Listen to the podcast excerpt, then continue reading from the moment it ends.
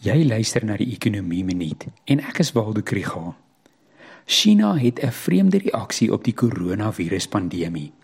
Hulle gebruik streng inperkings en die doel is om geen positiewe COVID-gevalle op 'n gemeenskapsvlak binne 'n distrik in 'n stad te hê nie. Mense moet by die huis bly, mag nie uitgaan nie, mag nie kos laat aflewer nie en word maklik na kwarantainesentrums toegestuur.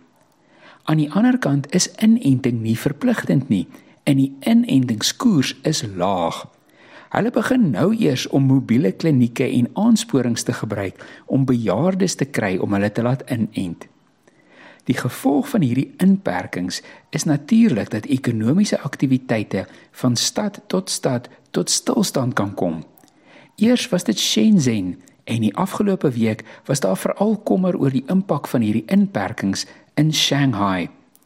China is die wêreld se tweede grootste ekonomie, die grootste uitvoerder en die tweede grootste invoerder. Wanneer die wêreld se fabriek sluit, het dit 'n dubbele impak. Lande soos Suid-Afrika wat insette daarin uitvoer, se handel van byvoorbeeld ystererts en steenkool daal. Die onlangse daling in die pryse van talle kommoditeite word onder andere toegeskryf aan stadiger groei in China.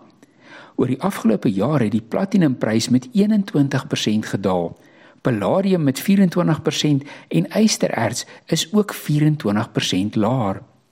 Dit het 'n impak op ons produsente en op die wisselkoers van die rand.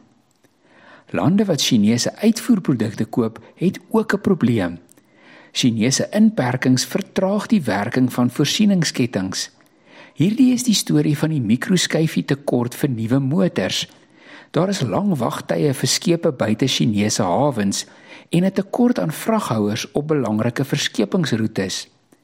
Die impak hiervan is te sien in aankopersbestuurdersindekse wat oral val omdat dit nou moeiliker en duurder is om besigheid te doen. Dit dra natuurlik ook by tot inflasie wat daartoe gaan lei dat rentekoerse verder moet verhoog. Alles tesame is hierdie 'n groot oorsaak van die stadiger groei van die wêreldekonomie hierdie jaar.